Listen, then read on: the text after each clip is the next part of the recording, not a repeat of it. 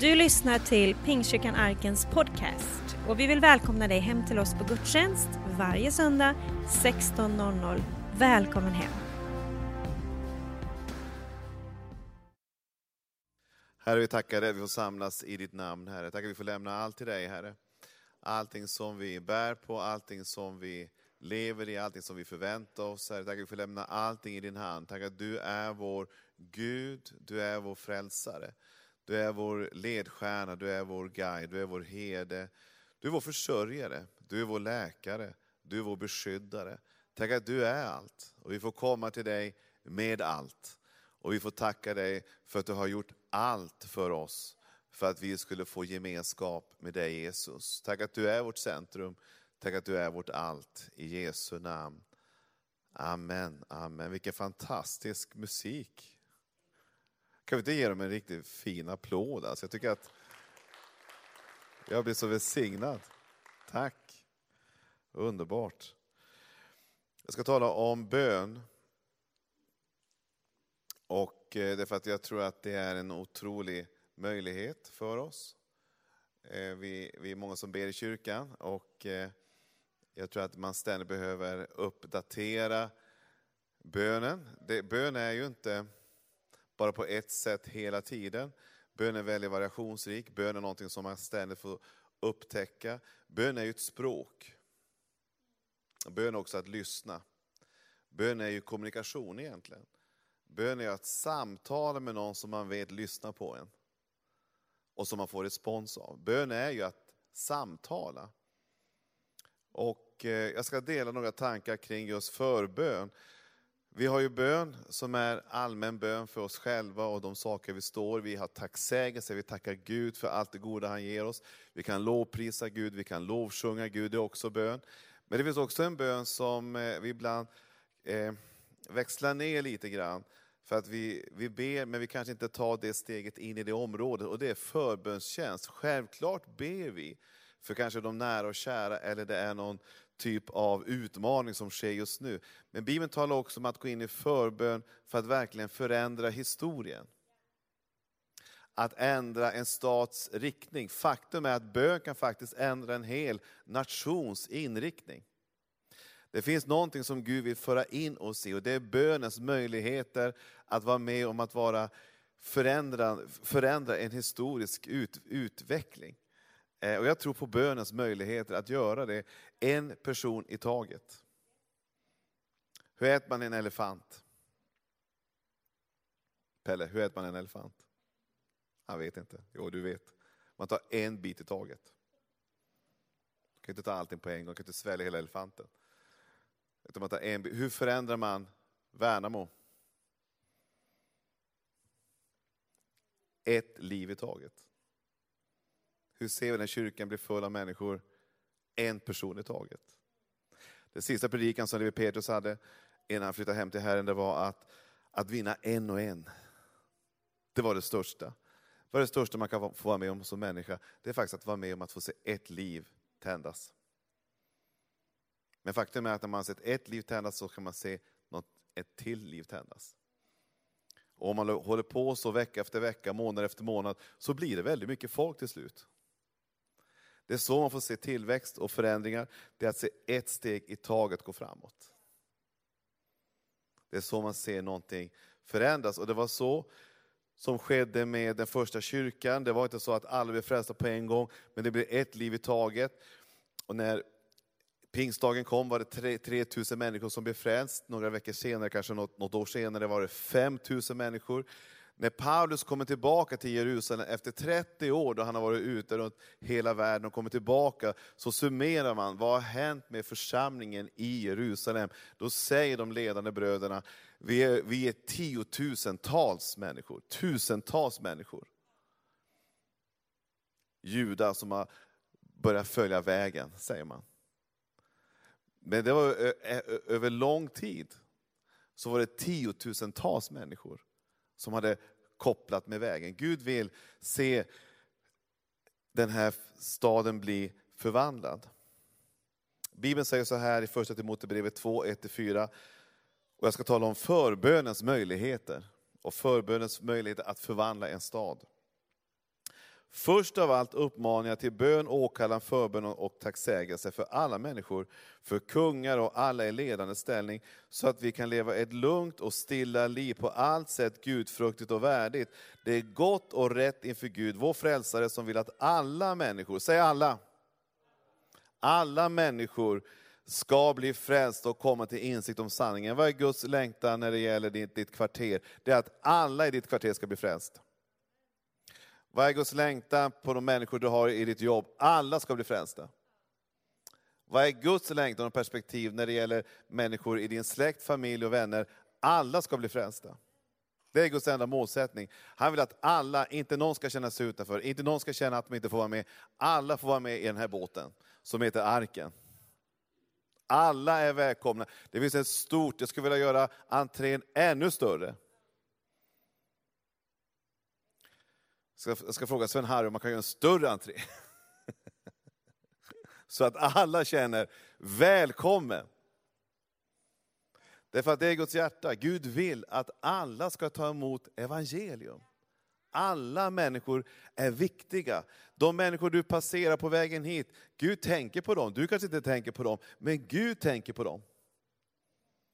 Gud tänker på dem som du möter på jobbet, Gud tänker på dem som du möter på gatan, Gud tänker på dem som finns på Elgiganten. Gud tänker på alla. Därför är det så viktigt att vi har det perspektivet med. Vi tror att Gud tänker bara på mig alltid, ibland. Och det gör han. Han tänker på dig och mig och de närmaste.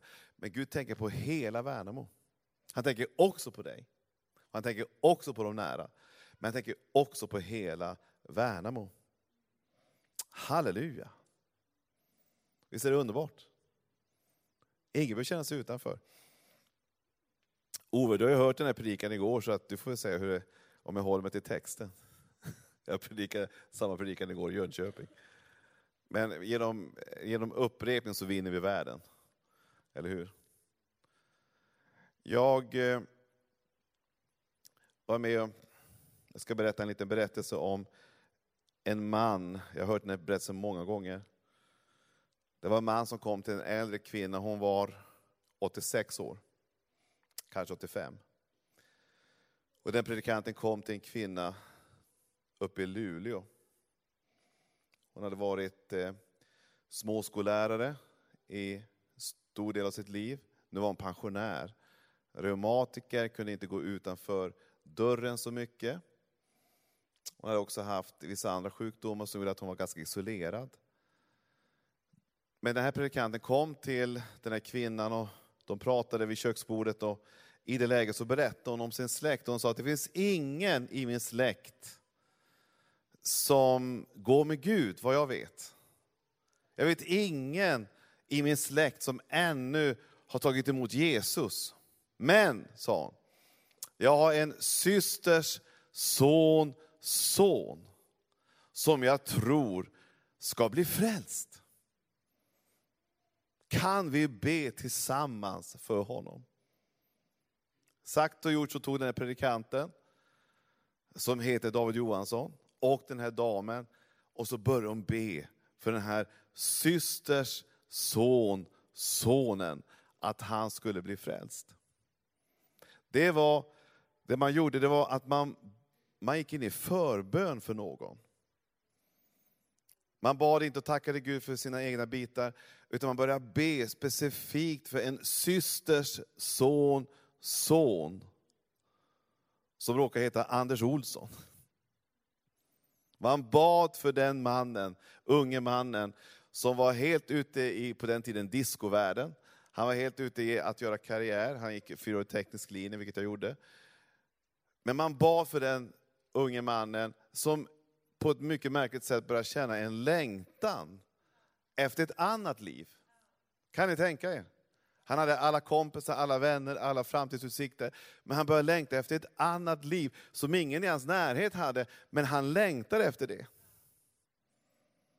Så han började söka olika litteraturer, lyssna på olika radioprogram som handlade om andliga ting som handlade om, om Gud, som handlade om Jesus. Och han började fundera, finns det en Gud någonstans?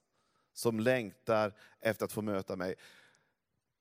vid ett tillfälle så hamnade han utanför ett, en situation, det var liksom bråk och så vidare. Han var på en fest, det var jag, och eh, blev utslängd. Det är ju sånt som hände för 30 år sedan det här, så att ni behöver inte vara oroliga. Eh, jag är lugnare idag, men jag hamnade utanför en viss situation och var ute på Luleås gator. Jag funderade på, vad ska jag göra nu? Alla mina kompisar är inne i den här puben som man var inne i. Men då fanns det en plats som var öppen för alla. Och det var Pingstkyrkan i Luleå. Kan ni tänka er? Där kom jag in, snubblande in, satte mig längst bak. Såg inte speciellt inbjudande ut kan jag tänka mig. Men där fick jag sitta och höra evangeliet om Jesus. Varför gick jag dit? Varför sökte jag mig till kyrkan? Varför sökte jag mig, för det, de hade sån här, på den tiden något som kallades för Gospel Night. Är det någon som kommer ihåg det? det, det är de i min ålder. Gospel Night. En jättehäftig kör stod där och sjöng. Och där talade man om Jesus Kristus. Varför tar en tonåring och söker sig mitt i natten, en fredagkväll, har varit på värsta festen, men varför går han in och kliver över tröskeln in i en kyrka och sätter sig längst bak? Jag tror att det fanns en gammal dam någonstans som, som var 86 år gammal, som hette Nanny Lundström, som bad Gud välsigna och fräls min systers sons son. Hon bad för den personen, och det var jag, och jag hamnade i det läget. Och det väcktes någonting i mig som ledde fram till att jag en dag tog emot Jesus. Och nu är jag här. Är det någon som är glad för min, syster, för min, för min gamla Nanny Lundström? att hon inte gav upp. Utan att hon höll fast vid löftena. Och det hon kände på insidan, jag ska gå in i förbön för någon. Och jag tror att ibland blir vi lurade av den onda. Jag tror att våra böner bara hamnar i taket. Våra böner har ingen betydelse. Våra böner, det sker ingenting med det. Jag ser ju ingenting ske. Men du vet, saker och ting sker. Min då vän Nanny Lundström, 86 år gammal, hon visste inte om att jag var i kyrkan. Hon visste inte om att jag hade börjat läsa olika typer av litteratur, till och med Bibeln. Nu förvisso gav hon den till mig, så jag började läsa i den. Men jag hade också en gammal konfirmationsbibel. Hon visste inte alla de här leden. Men någonting drog mig hela tiden till Guds ord, till Bibeln, till kristna människor. Jag är helt övertygad om, om, om hon inte hade bett är jag inte säker på att jag hade stått här idag. Därför är den första jag kommer att gå till när jag kommer till himlen en vacker dag, det är att söka rätt på, var är Nanny Lundström bland alla dessa miljarder människor? Henne vill jag ge en riktig härlig fet kram. För där uppe finns det inget coronavirus ska jag säga dig. Där kan man krama hur mycket man vill. Så jag kramar henne några miljoner år och tacka henne för att hon bad igenom mig till frälsning. Och jag, berätt, jag kommer ihåg den dagen när jag kom in i hennes lilla lägenhet, hennes lilla tvåa i Gammelstad uppe i Luleå. Och så berättade jag för henne, Nanny Lundström, nu är det något som har hänt. Jag, ska, jag har tagit emot Jesus. Det gjorde jag ju. Jag ska inte berätta den historien. Och jag ska bli döpt. Vilken glädje det var i den lilla tvåan då. Hon prisade Gud. Hon hade en väldigt hög röst för att ha så liten kropp. Speciellt när hon blev entusiastisk. Jag blev rädd för grannar att de skulle börja klaga snart. För hon, hon, hon var en sån här gammal, det är därför jag är lite högröstad ibland. För att hon var hon, hon tränade mig i början, att är man pingstvän ska man låta. I alla fall när man blir lite entusiastisk. Det är ingen fara. Så hon, hon, hon skrek. Hon var den här gamla stammen med knut i nacken. Kommer ni ihåg dem? Hon gav allt, allt hon bara kunde till missionen. Hon gick inte ens till frisören, på 60 år gick hon inte till frisören. Hon hade en knut i nacken. Det kallas för överlåtelse och givande på en helt ny nivå. Men de var övertygade. Och de var övertygade över en sak, att förbön fungerade. Faktum var att jag träffade några människor på vägen i Luleåområdet, gamla människor, äldre människor, som berättade om denne Nanny Lundström, som var småskollärare i Bälinge utanför Luleå. Och som hade tagit tid i att eh, vittna och be för många ungdomar. Jag träffade en i Klöverträsk som berättade att denne Nanny Lundström, hon bad för mig. Och jag visste om att hon bad för mig och en vacker dag så tog jag, tog jag emot Jesus. Jag fick sån längtan efter Jesus när jag träffade henne. Varför då? Hon var en förebedjare. Hur många vill bli sådana? Ni är ju redan sådana. Ni är redan igång, jag vet ju det. Men jag tror vi kan växa i det. Och vi kan lätt tappa det, för det är så mycket som vill störa oss. Men du vet, dina böner för dina grannar, dina böner för dina kollegor, dina böner för dina barnbarn och barn. Och du tänker, det händer ingenting. Det händer någonting. Det händer någonting. Det var Guds ord är sant, Guds ord förändras inte. När vi ber så händer någonting. Tack och lov, annars skulle inte det stå i Bibeln. Men om en himmel och jord förgås så kommer Guds ord att stå kvar. Och det finns en kraft i detta. Först av allt vill jag uppmana till bön, det är ju startskottet. Sen är det mycket annat vi ska göra, vi kan inte bara be, vi behöver också träffa människor och vara lite trevliga och uppmuntra människor. Och hjälpa människor vidare till kyrkan. Men någonting som är viktigt, det är att vi börjar med att be. Jag tror att vi blir mer effektiva. Jag tror att det blir mer kraft i vår verksamhet om vi har bönen med som en naturlig del i allting vi gör. Så vet jag att Gud gör saker och ting på ett helt nytt sätt. Så Gud vill att vi ska upptäcka kraften i bönen. Nanny Lundström, hon bad specifikt för en person. Jag ska ta några enkla tankar kring detta. Nummer ett, bön för andra bör vara konkret, variationsrik, levande och helst regelbunden. Det är punkt nummer ett. Jag tror Gud vill att du ska be för någon.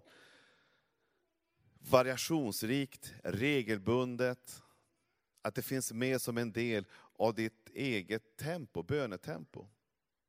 Det är det bra att be för namn. Det är bra att ha några namn som man ber för. Det är bra att ha några konkreta personer, därför att det skapar lite mer tro. Hon bad, Nanny Lundström bad för en person och höll fast vid det. Hon bad säkert för många, men var speciellt en person hon bad för. Jag vill bara uppmuntra dig, be för några stycken. Be för några, därför att du, det är dynamit. Det är, det är superpower. Det är väldigt eh, populärt nu med alla dessa superhjältar. Du, är, du har superkrafter. Bönen är en superkraft att se en människas livsinriktning bli förvandlad. Att få en människa som är helt, verkar helt upptagen med allting annat, men när du börjar be för den så väcks någonting på insidan, nya tankar kommer upp och man börjar längta och få en sug och en hunger efter evangelium. Skulle det förvåna mig om någon du ber för kommer dyka upp här i någon av de här sätena. Skulle det förvåna mig om någon får tag i en bibel? Skulle det förvåna mig om någon dyker upp på en alfakurs? Om vi börjar be, så sker det. Så när vi ber för någon så har det en enorm effekt. Vi tappar det lätt, men Bibeln vill att vi ska hitta vårt tempo. Bibeln säger så här, när du ber, gå in i din kammare, stäng din dörr, be till, det, be till din far som är i det fördolda. Då skall din far som ser i det fördolda belöna dig. Var är din kammare? Var är din plats? Det kan ju vara på bilen på väg till jobbet. Det kan vara din, din promenad när du går ut med hunden. Det kan vara din morgonrutin vid kaffekoppen på morgonen. Men hitta din plats, hitta ditt tempo, hitta din möjlighet.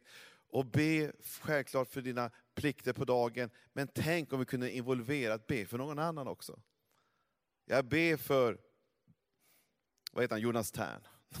Jag ber regelbundet för honom. Gud fräls honom. Jag ber för olika människor, karaktärer som finns runt omkring oss. Jag ber för vårt kommunalråd. Jag ber för de här människorna. Därför att jag tror att, att Jesus vill möta alla. Och jag tror att jag har en kallelse, och jag tror att vi alla har det. Att vara med och påverka. Och bönen påverkar. Så när du ber för någon som, som du inte kanske har sett i kyrkan på länge heller, så har det också en kraft. Det kan vara någon som har lämnat. Men när du ber så händer någonting. Gud verkar. Så framför allt, glöm inte bönens perspektiv. Först av allt uppmana till bön. Det andra är att bön skapar ordning. Du vet, Guds rike är ordningens rike. Gud vill ha ordning och reda. Gud vill ha fred, Gud vill ha frid, Gud vill ha shalom. Och jag vet ingenting som skapar så mycket fred, frid och shalom i en kyrka när vi tar uppdraget på allvar. När vi alla har ett enda fokus, det är att vi vill vinna så många som möjligt för Jesus innan han kommer tillbaka. Om vi har det uppdraget, att vi gör det sista Jesus sa som vår första prioritering. Jag tar det en gång till. Om vi tar det sista Jesus sa, gå ut i hela världen och gör alla folk till lärjungar. Om vi tar det sista Jesus sa som vår första prioritering, så jag är helt övertygad om att andra saker vi tycker är så viktiga inte blir lika viktigt längre. Utan det viktigaste är, hur mår min granne egentligen? Hur mår mina vänner egentligen? Hur mår mina barnbarn egentligen? Är, tillhör de Jesus? Ska vi inte ta en stund i bön istället för dem? Det finns mycket som vi kan diskutera i en kyrka, men det viktigaste som jag vill höra och tala om, det är hur ska vi vinna Värnamo för Jesus? Hur ska vi nå människorna på gatorna? Hur ska vi nå människorna som finns runt omkring här i den här bygden? Församlingen hade nu lugn och ro i hela Judeen, Galileen och Samarien. Den blev uppbyggd och levde i vördnad för Herren och växte genom den helige Andes tröst och förmaning. Det finns en kraft i att ha lugn och ro, att det finns ordningar. Och jag tror att en av de viktigaste ordningarna, det är att vi har rätt vision och rätt dröm och att vi värderar vissa saker tillsammans som det viktigaste. Vad är det viktigaste evangeliet talar om? Varför är vi överhuvudtaget på den här planeten? En av de viktigaste bitarna är att vi ska vara ljus på en stad som alla kan se. Vi ska vara salt i förruttnelsen. Det ska finnas sting i vårt tal som påverkar andra och skapar någon typ av smak, längtan. Det är vad Gud har kallat oss till. Det är vad han säger i bergspredikan i alla fall. Att det är de viktiga bitarna. Det är det han börjar bergspredikan med. Ni är ljus, ni är det enda ljuset. Därför att ni har ljuset i er och det är Jesus Kristus. När folk ser er, ser de inte bara er, utan de ser en glimt av himmelriket. Gud vill att vi ska ha del av detta. Så församlingen hade lugn och ro och i det läget så växte den. Det jag ber om väldigt mycket, det är att hela församlingen ska ha ett enda fokus. Självklart att ta hand om varandra, det är viktigt. Men vi behöver också leva i uppdraget. Det är att få se i alla fall någon ta emot Jesus de närmaste veckorna. De närmaste månaderna, de närmaste åren. Så vill jag se någon ta emot Jesus. Ja, min längtan är, och kanske det viktigaste uppdraget jag har, det är att ha något som jag själv, Anders Olsson själv, går ner med i dopgraven och få döpa till Kristus. Det är min längtan. Att få se och ha det själavinnar andan över mig.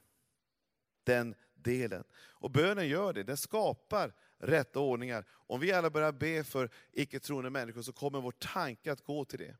När vi börjar be och börjar intressera oss för de som finns runt omkring oss, och vi börjar be för de människorna, så kommer vår tanke att landa där. Det är viktigt. Och det är någonting som Gud har gett oss och som behagar oss, behagar honom. Det tredje är att bön för andra skapar starka kopplingar, starka gemenskaper.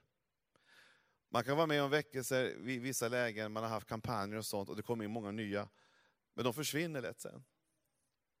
Jag vet inte om ni har varit med om det, att man har haft olika typer av driver. Och det kommer in ett gäng, men det, men det blir ingen koppling riktigt i församlingskontexten. Jag funderar på varför har vi så svårt ibland med uppföljning? Varför har vi så svårt ibland att behålla folket kvar? Jag tror att en av orsakerna är faktiskt att vi har inte kanske alltid gjort grundarbetet. Vad är det för någonting? Bett för de som är på väg in.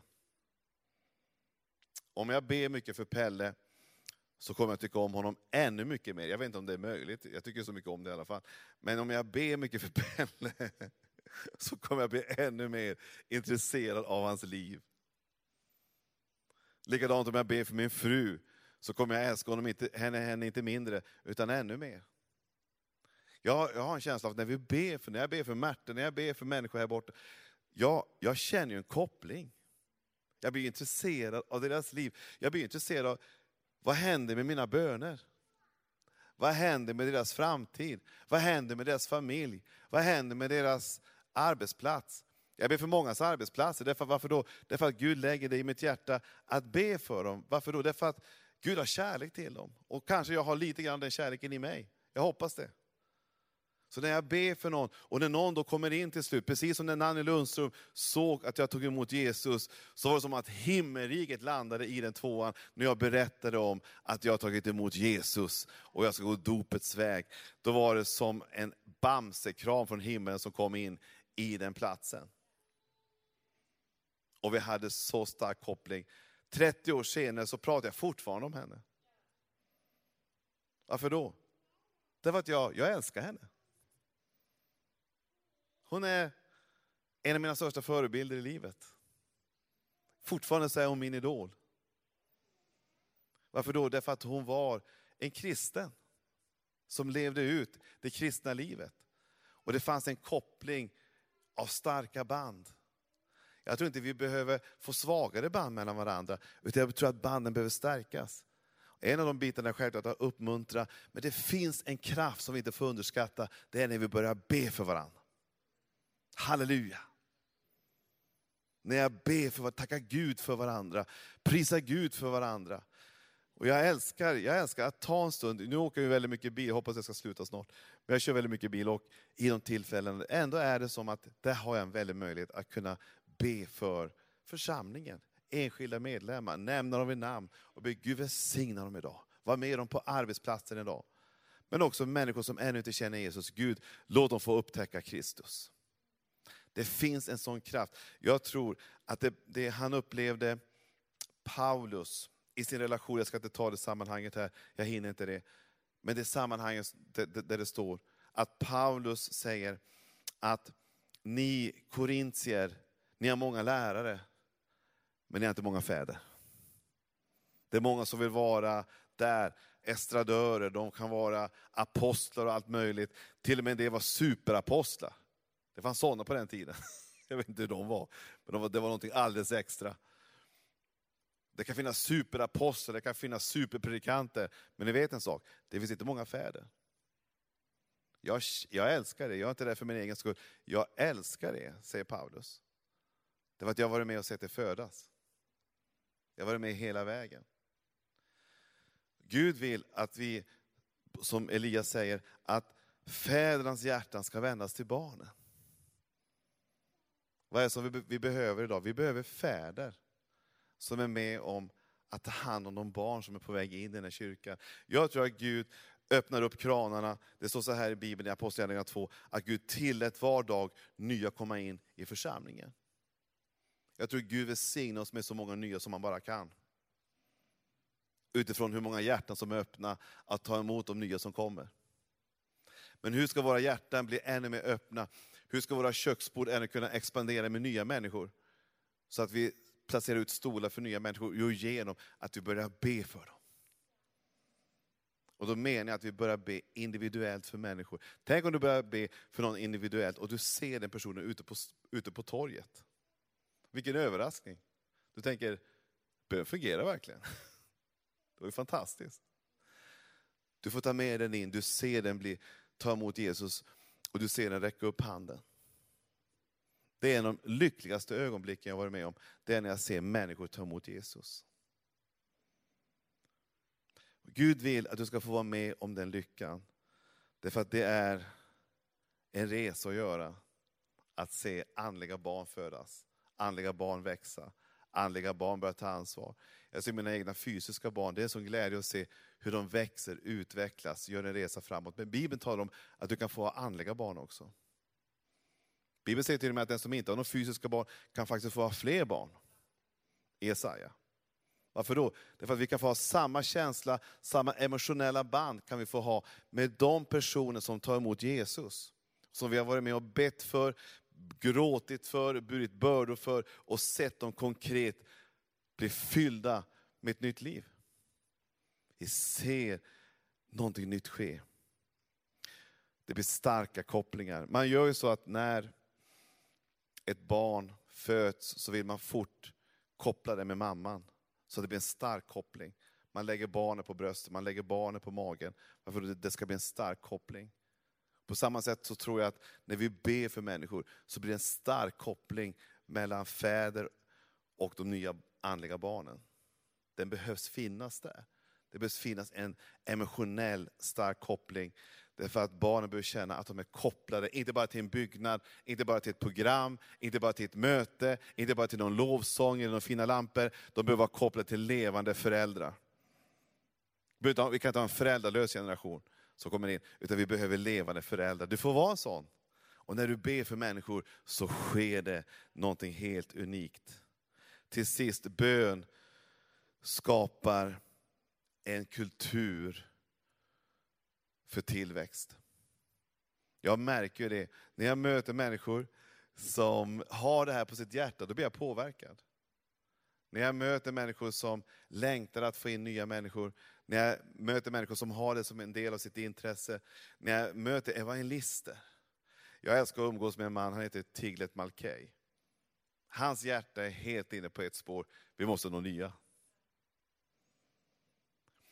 Självklart blir jag påverkad av människor som har en omsorgstjänst också. Att ta hand om nya, men också de som har varit med länge. Då får jag också någonting som blir berört i mitt hjärta. Men vi behöver båda delarna självklart.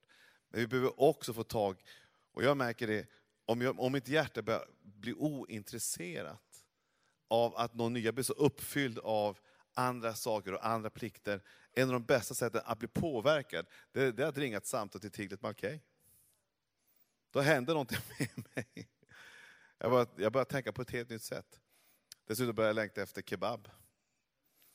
Det, det ligger, alltså efter själavinen så ligger nog kebab på andra plats tror jag jag, jag alltid, han tar mig alltid till mycket märkliga turkiska restauranger.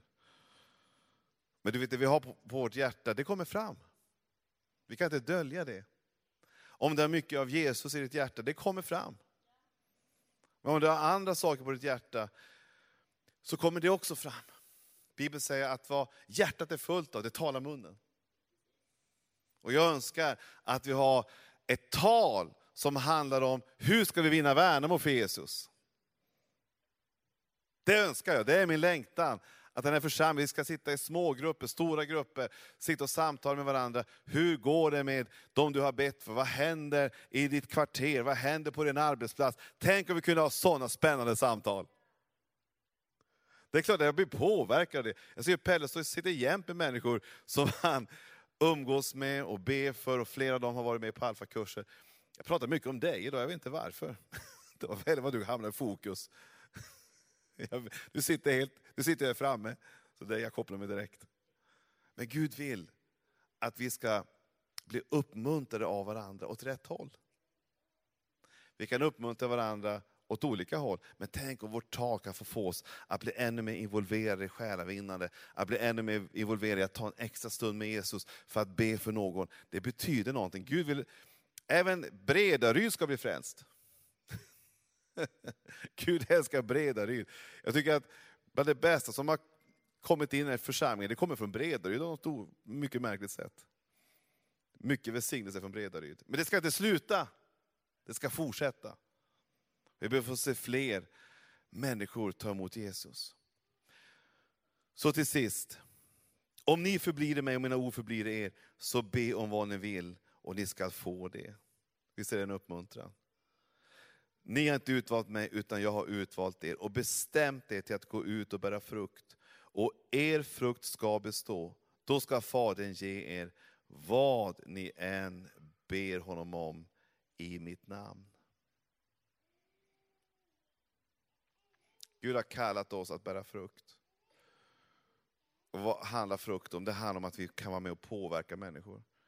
Frukten är ju mångfacetterad, andens frukt är mångfacetterad. Men det är att göra intryck, det är att ha gudomligt inflytande över människors liv. Genom kärlek, glädje, frid, tålamod. De andliga frukterna vill Gud ska lysa fram genom våra liv. Så att människor får en doft av himmelriket. Det är en av de förmåner vi har.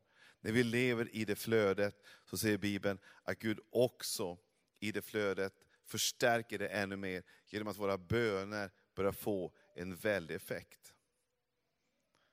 Så Bibeln talar om att ett förblivande har en otrolig stor impact. Så att be då och då, det är viktigt och bra, men tänk om vi kunde komma in i ett flöde. Jag vill ha ett flöde. Jag vill inte bara ha då och då. Ja, det är lätt att hamna i det, därför att det är så mycket som händer och det är så mycket vi ska göra. Men tänk om vi kunde hjälpa varandra att hitta det här flödet. Flödet i bön, flödet i tacksägelse, flödet i att komma närmare Gud, flödet i att lyssna in hans röst, flödet i att gå på hans uppdrag, flödet i att höra hans vägar. Tänk om vi kunde få tag i det ännu mycket mer. Jag tror att Nanny Lundströms sista epok, sista resa, var väldigt, väldigt spännande. För hon fick följa min resa, sitt barns, andliga barns resa och se hur det utvecklades. Och när jag berättade en vacker dag att jag skulle ut och börja som predikant, då var det som att, att eh, alltså, ängeln Mikael hade landat i hennes lägenhet. Hon, hon kunde inte riktigt fullt ut greppa det. Så de människor som jag har påverkat, det är väldigt mycket hennes resa. För hon har varit med i den, den vägen. Jag tackar Gud för det. Tänk att fortfarande, jag önskar att när jag en dag försvinner, så skulle jag önska att det finns många andliga barn som sitter där någonstans och tackar Gud. Tack för Anders Olsson, att han fanns på den här planeten. Att han tog den stunden i bön och hjälpte en och annan. Det skulle jag önska. Gärna att det 30 år senare någon tar upp det på en talarstol och berättar. Ja, det fanns en snubbe som hette Anders Olsson. Han var från Norrland. Han, eh, han var eh, som han var. Men han tackade Gud och bad för mig. Så jag blev frälst. Halleluja! Så Gud vill att vi ska sätta avtryck för framtiden. Och frukt, säger Bibeln, frukt som består. Jag tror att en av de frukterna som består, det är att, Gud tackar, att någon tackar Gud för att du har varit med i en resa och fört någon fram mot en andlig upplevelse med Jesus Kristus. Jag tror inte att det finns något bättre. Ska vi tacka Jesus tillsammans? Jesus, jag tackar dig för att du är vårt centrum, Herre. Tack att i dig så finns allt här som vi sjöng, Herre. Vi får lämna allt till dig, Herre. Allt får vi lämna till dig, Herre. Och Herre, vi får lämna våra liv och våra, vår framtid i din hand, Herre. Och tack Herre för varen som har kommit idag, Herre. Tack Herre för alla som har sökt sig till arken idag, Herre. Tack att det får vara en, en ark för alla, Jesus. Herre, jag tackar dig för alla som har varit med och är med och ber för den här församlingen och ber för den här gemenskapen, Herre. Nu ber jag, Herre, att vi ska få ta några steg, Herre. Att komma in i en lite mer stark resa, offensiv resa och verkligen börja sätta starka avtryck i den här stan också, Herre. Tack att du vill frälsa Värnamo. Tack att du vill låta en och en ta emot Jesus. Herre, lägg namn, lägg människor, lägg personligheter i våra hjärtan som vi kan få börja be för regelbundet, Herre. Och se en andlig spännande resa och äventyr med dem, Herre. Tack att du Gud lägger nöd i oss, tack att du lägger bördor i oss. Och tack att du lägger en, en längtan i oss, Herre, att få se förvandlade liv, Herre. Att få se starka genombrott, Herre. Tack för alla bedjare vi har, Herre. Och tack att det finns mycket bön där, Herre. Jag tänker att vi ska få ta några kliv till också, att verkligen gå in i förbönstjänst för hela familjer, enskilda individer, äktenskap, vänner som går igenom svåra, tuffa perioder, men också människor som vi skulle vilja se ta emot Jesus. Tack Herre, att vi kan få be tillbaka människor som har lämnat Herre. Vi kan få be in dem i en stark andlig blomstrande tillväxt tillsammans med dig Jesus. Jag ber Herre om bönens ande Herre, över denna församling Herre. Att eh, upptäcka möjligheten, glädjen, variationsrikedomen i att få be till dig Herre. Denna dynamiska hemlighet du har gett församlingen Herre att få vara med om att få påverka vår samtid, Herre, och ändra historien, Herre. Vara med om att få se någonting ske som sätter avtryck in i framtiden, Herre, in i evigheten, Herre. Tack att du, Gud, gör oss till levande stenar i ett andligt husbygge, Herre, som är dynamiska, växande, flödande tillsammans med dig, Herre. Tack att du välsignar varje glad eh, bedjare, Herre, och tack att det finns nya nivåer. Låt oss aldrig känna att vi har nått fram, Herre, utan låt oss alltid alltid vara hungriga efter att få upptäcka mer med dig Jesus. Tack att du välsignar församlingen.